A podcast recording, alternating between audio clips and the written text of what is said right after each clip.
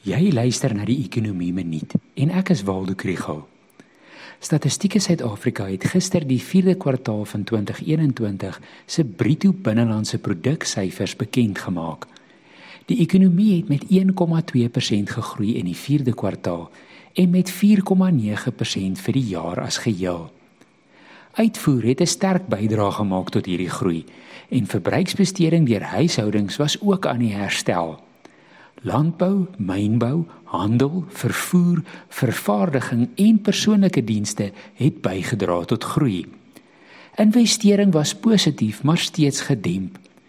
Hierdie bietjie positiewe momentum is ook in die nuwe jaar ingedra, soos getuig word deur die aankope bestuurdersindekse en motorverkope.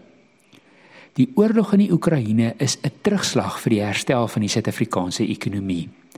Ekonome het nog nie hulle vooruitskattinge vir die jaar begin aanpas nie, maar hulle kyk fyn hoe die konflik verloop en na die positiewe en negatiewe impakte wat dit op die ekonomie het. Aan die positiewe kant is die pryse van ons landbou en mynbou uitvoerprodukte hoog.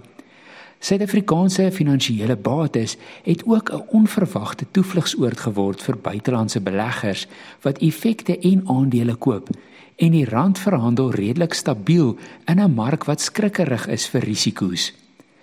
Aan die negatiewe kant het die olieprys die hoogte ingeskiet en die FSA het gisteraand ook energie-sanksies teen Rusland aangekondig.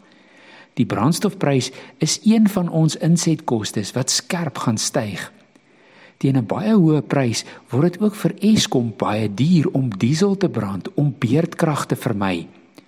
Hoë brandstof en voedselpryse gaan inflasie opjaag wat weer hoër rentekoerse gaan vereis en verbruiksbesteding negatief gaan raak. Oorlogswolke is ongelukkig ook donker wolke vir die ekonomie.